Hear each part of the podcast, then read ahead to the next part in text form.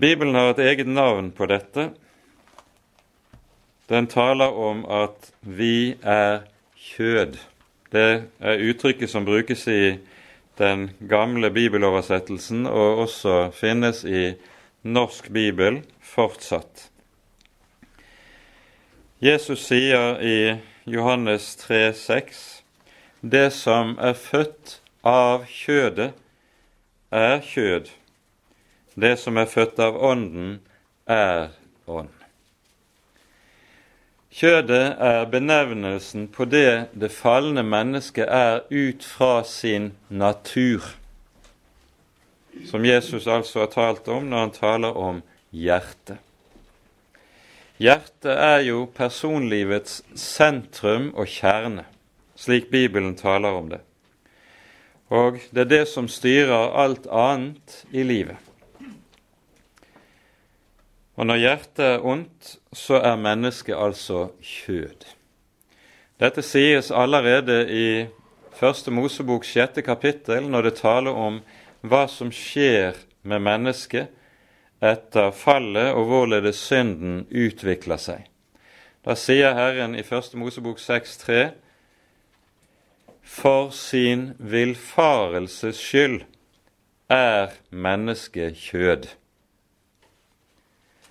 Og dette er altså benevnelsen på at mennesket etter sin natur er behersket av synden.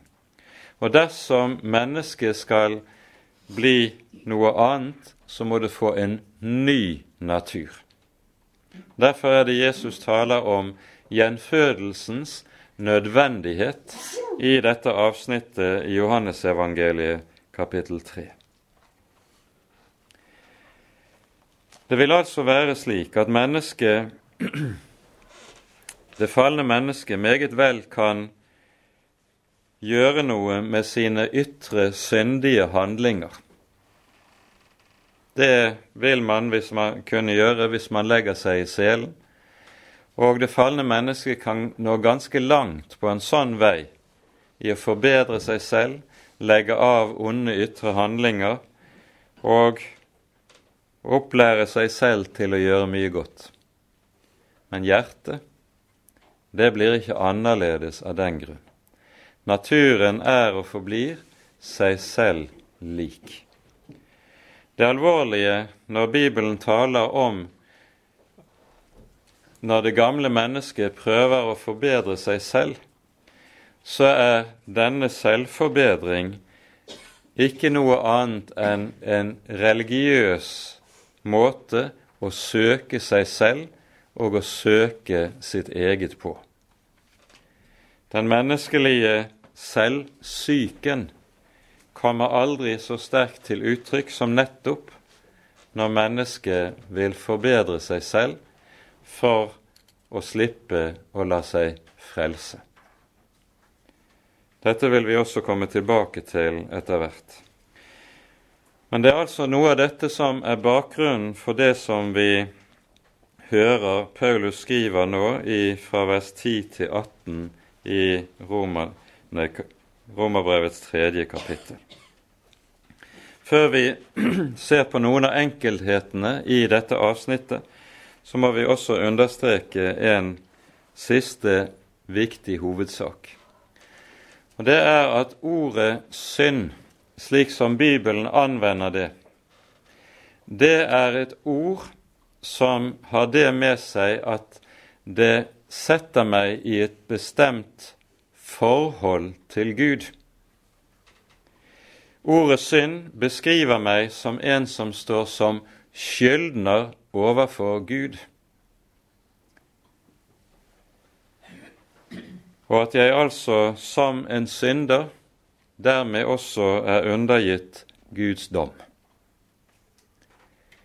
Ordet synd, dersom man ikke forstår at dette er et begrep som setter meg i forhold til Gud, det blir meningsløst uten det. Men la det nå være med det. Vi, går, vi ser nå på noen av enkelthetene i det vi leser i, fra vers 10 av og utover. Det finnes ikke én rettferdig ikke én. Når ordet rettferdig brukes på en slik måte, så er det betegnelse på at et menneske lever og er slik at det er i overensstemmelse med Guds hellige lov. Og Her er det ikke bare tale om å være lovlydig i ytre forstand, men her er det tale om at et menneske i alle deler, både når det gjelder det ytre og det indre, samsvarer med hva som er normen i Guds lov. Dere skal være hellige, for jeg, Herren deres Gud, er en hellig Gud. Det er lovens grunnkrav, eller formulert annerledes, som vi hører det i de to store bud, du skal elske Herren din Gud av hele ditt hjerte, av hele din sjel og av hele din kraft. Og du skal elske din neste som deg selv. Den som svarer til disse kravene, den er rettferdig. Den som ikke gjør det, er det ikke. Og Så sier altså Bibelen sånn som den gjør, den fastslår ganske enkelt det finnes ikke én rettferdig, ikke én. Om vi taler om menneskene slik de er født på naturlig vis. Det finnes ikke én som er forstandig. Når det uttrykket brukes, så sier det noe om det falne menneskets fornuft eller forstand eller tanke.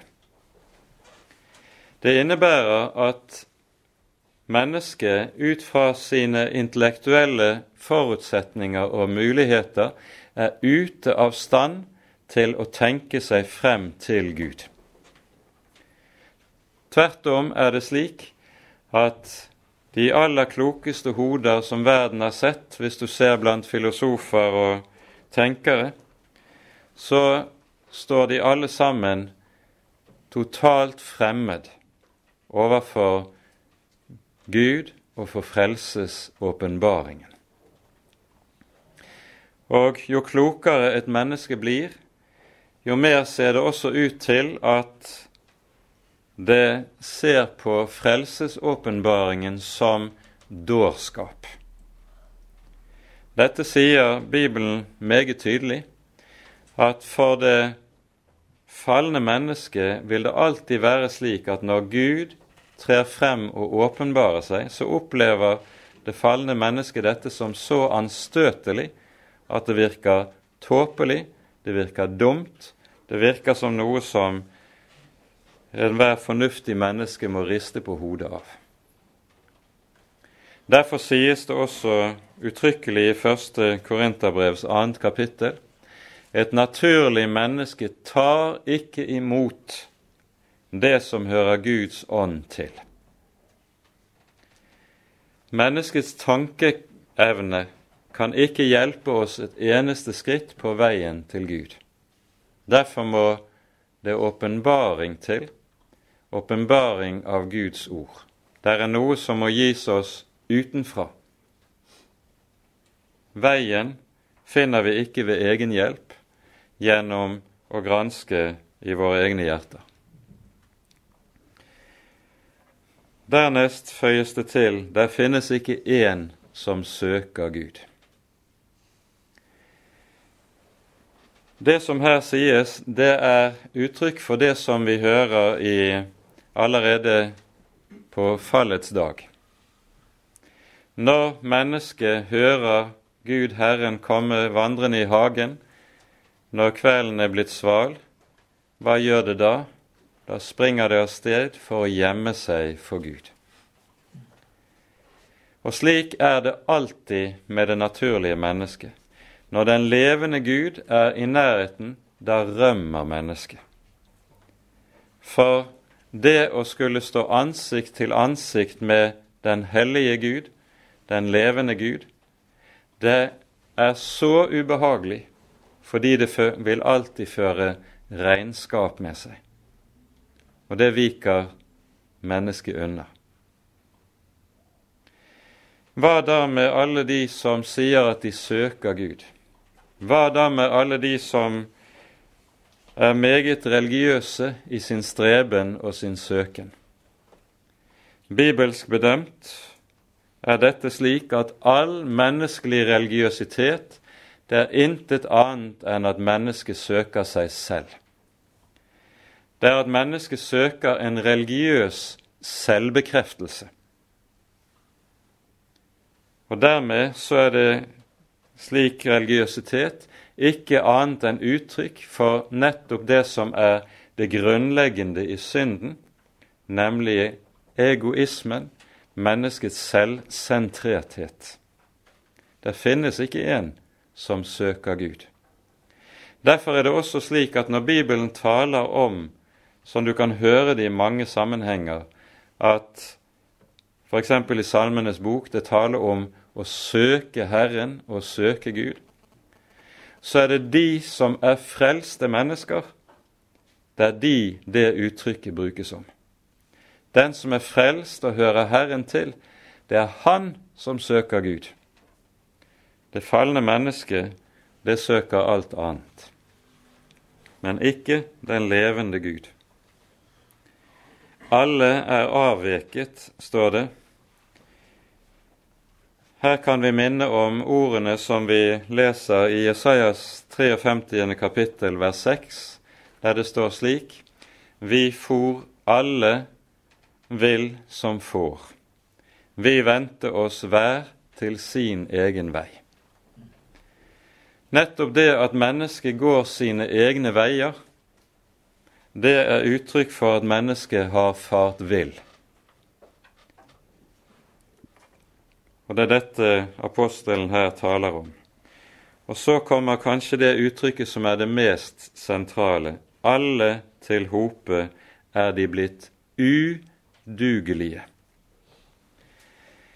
Med det så peker Bibelen på det helt sentrale at det er ikke bare det at mennesket gjerne vil gjøre det gode, men ikke kan det.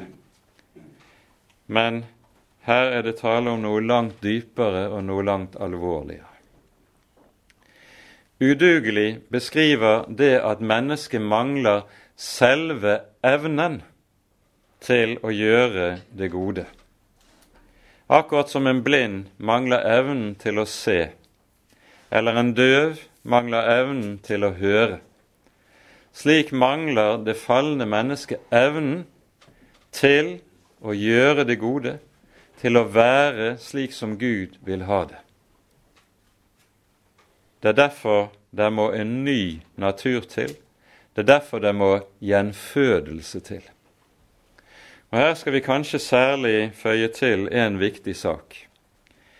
For der tales jo i en del kristen forkynnelse, særlig en særlig type vekkelsesforkynnelse, om menneskets frie vilje.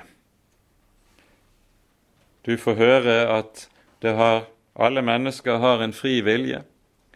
Og Derfor er det bare opp til deg om du nå vil bestemme deg for å følge Gud, for å følge Kristus og for å bli en kristen.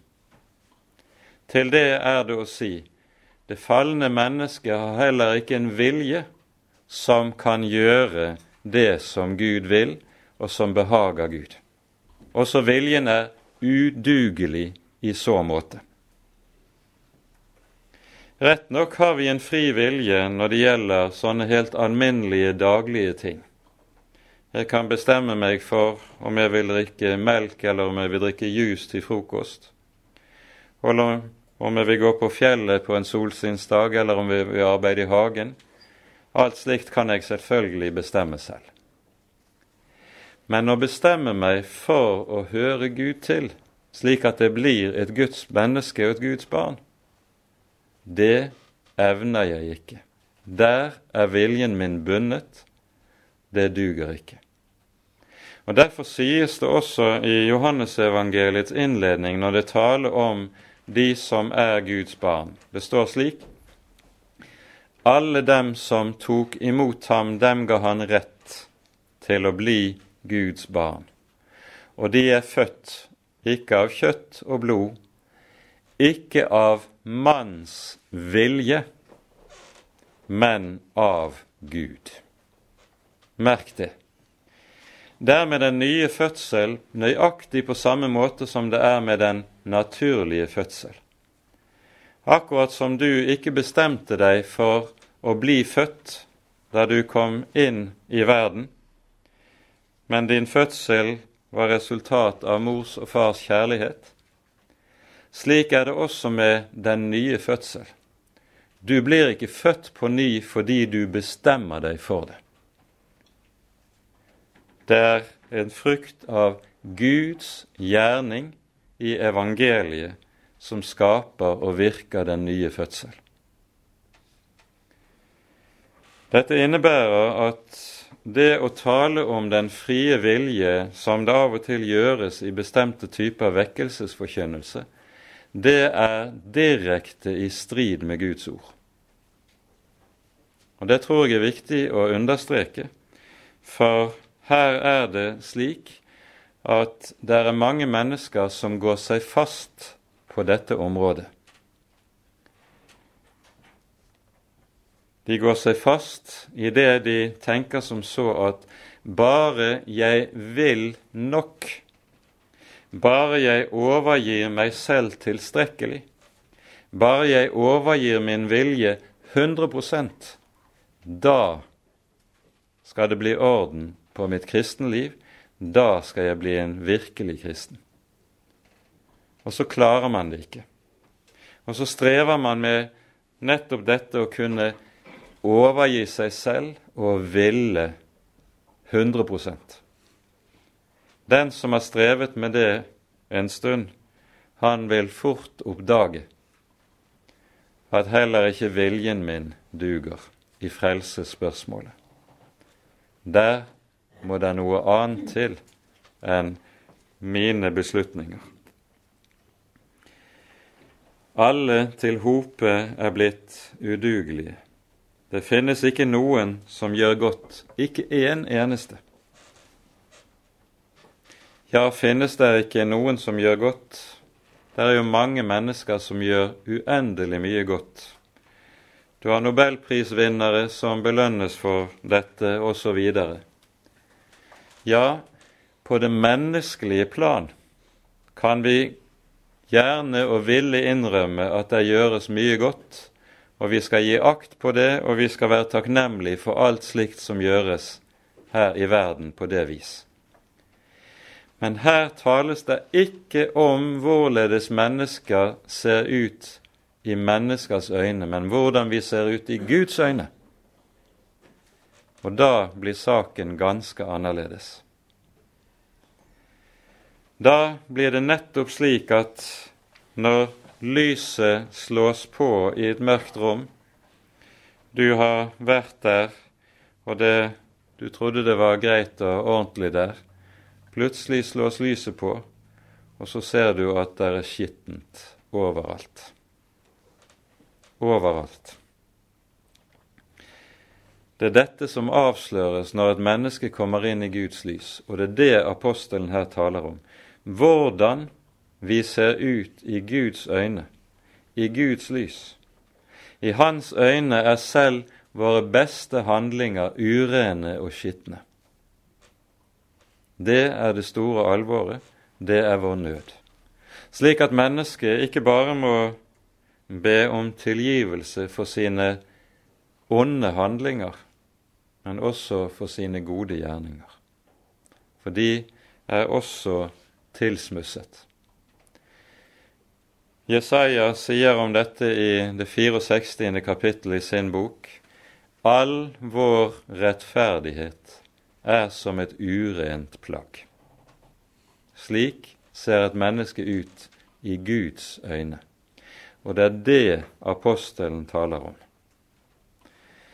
For her er det jo sånn også at alt Guds liv, alt sant Guds liv, begynner med dette at et menneske begynner å se seg selv med Guds øyne.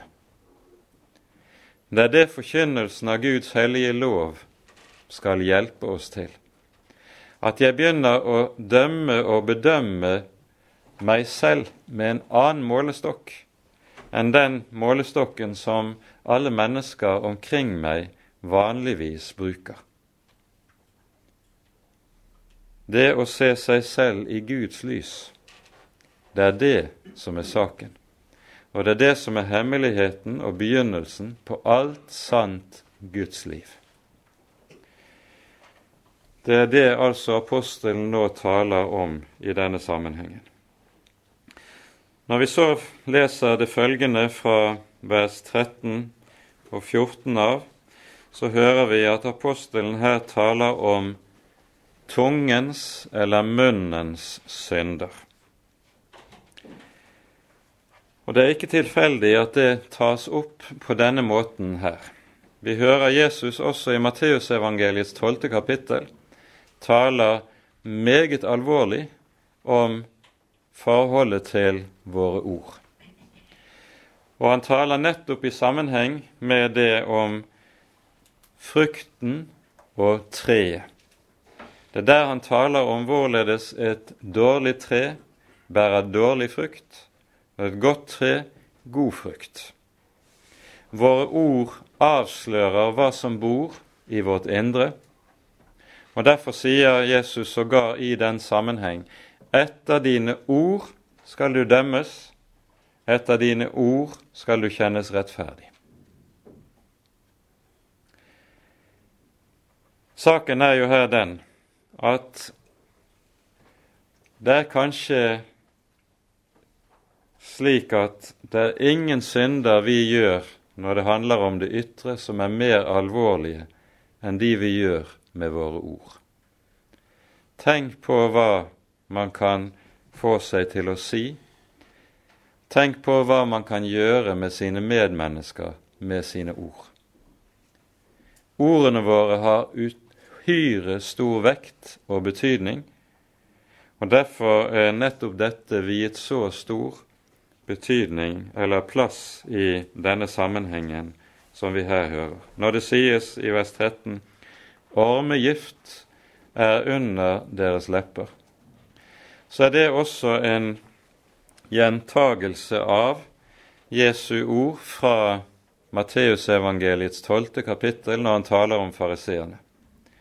Så i den sammenheng kaller han dem for ormeyngel. Og Dette er ikke bare løse ord fra Jesus side, men det er helt bokstavelig fra hans side tenkt slik at sånn som de taler, så viser de seg som slekt til slangen som i begynnelsen førte våre første fedre til fall. Og det er det som ligger bak dette uttrykket 'ormegift er der under deres lepper'.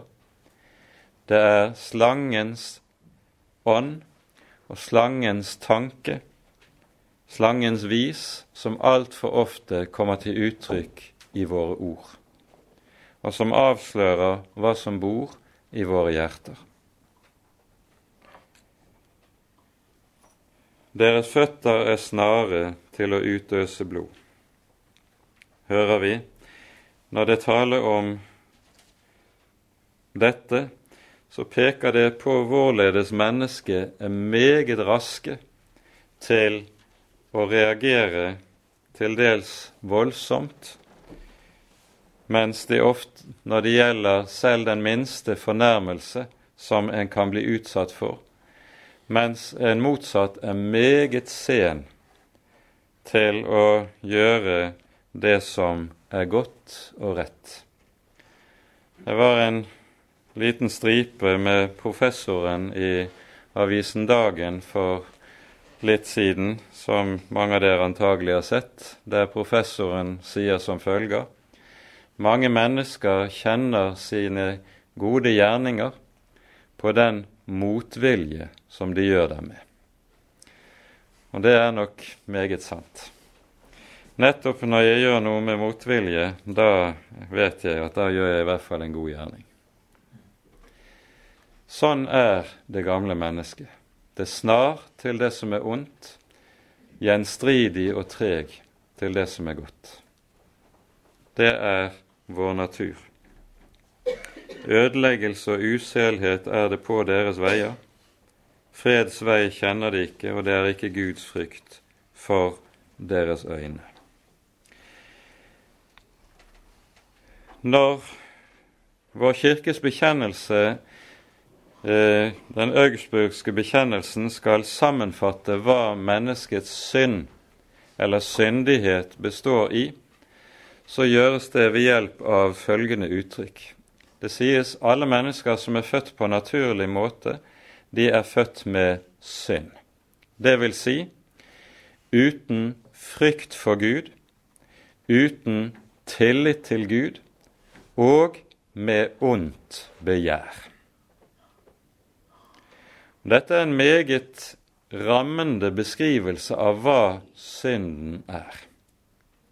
Synden er noe som har skapt et brudd i forhold til Gud, slik at mennesket er blitt det som Luther kaller for innkrøkt i seg selv. Når Bibelen taler om at mennesket er skapt i Guds bilde, så er, mener Bibelen med det at mennesket er skapt til å stå i et livsforhold, i en livsforbindelse med den levende Gud. Livet består i å leve sammen med Ham som er vårt opphav. Så brytes denne forbindelsen, og mennesket vil leve i kraft av det det er i seg selv. Det er blitt innkrøkt i seg selv. Og det er en god betegnelse. Og når det taler om ondt begjær, som vi hørte det fra bekjennelsen, så er det et begrep som sikter til dette at mennesket har lyst til på enhver måte det som er Gud imot, og motsatt har motvilje mot alt det som hører ham til. Dette er altså en beskrivelse av hva mennesket, det naturlige mennesket, det falne mennesket er. Det er radikalt, og det er noe som ødelegger enhver tro på det gode i mennesket. Og Når apostelen taler sånn som han gjør om hvem mennesket er, så er dette bakteppet for det som nå kommer i fortsettelsen, nemlig at det er bare én måte mennesket kan bli frelst på, gjennom rettferdiggjørelsen av tro på Herren Jesus Kristus. Det er ingen annen mulighet, det er ingen annen vei til frelse enn gjennom Herren Jesus Kristus. Det er slik at på fallets dag, når Adam og Eva ble vist ut av hagen, så ble det satt kjeruber med luende sverd for å vokte adgangen til livets tre. Himmelen er stengt. Veien tilbake til livet, veien til himmelen, veien til Gud er stengt. Og det er umulig for mennesket å finne vei tilbake, om det strever aldri så meget, for døren er lukket fra innsiden, fra Guds side, så å si. Derfor er det også slik at veien gis bare når Gud selv åpner døren. Og det er det han gjør når han sender sin sønn. Han åpner en dør, og denne døren heter Jesus Kristus. Jesus sier selv om dette 'Jeg er døren'. Den som går inn gjennom meg, han blir frelst. Det gis ingen annen dør, det gis ingen annen vei, men denne veien er åpnet av Gud selv, den levende Gud, og det er en dør som står vid åpen så lenge denne verden består. Jeg er døren.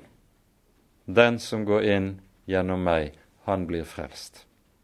Hvem han er, enn er, hvordan han enn er, om han ser seg selv og kjenner seg selv igjen i alt det vi nå har lest i Romerbrevet, med alt det mørke som kan ligge i et menneskes liv og et menneskes hjerte. Det står ingenting i dette verset i Johannes 10 om at det er noen kvalifikasjoner som skal til. Det sies 'Den som går inn gjennom meg, han blir frelst'. Hvordan han enn er, hvordan hans liv enn måtte være, hvilket mørke det enn måtte ligge i hans fortid eller i hans bryst. Han blir frelst, for den døren er åpnet av Gud selv. Og det Gud har åpnet, kan intet menneske lukke. Og det er dette apostelen nå, gjennom det han har skrevet i disse kapitlene som vi nå har gått igjennom, har villet bane vei for. Og vise at årsaken til at Gud har gjort i stand en slik frelse, som han har gjort det i sin sønn, det ligger i at mennesket er slik det er.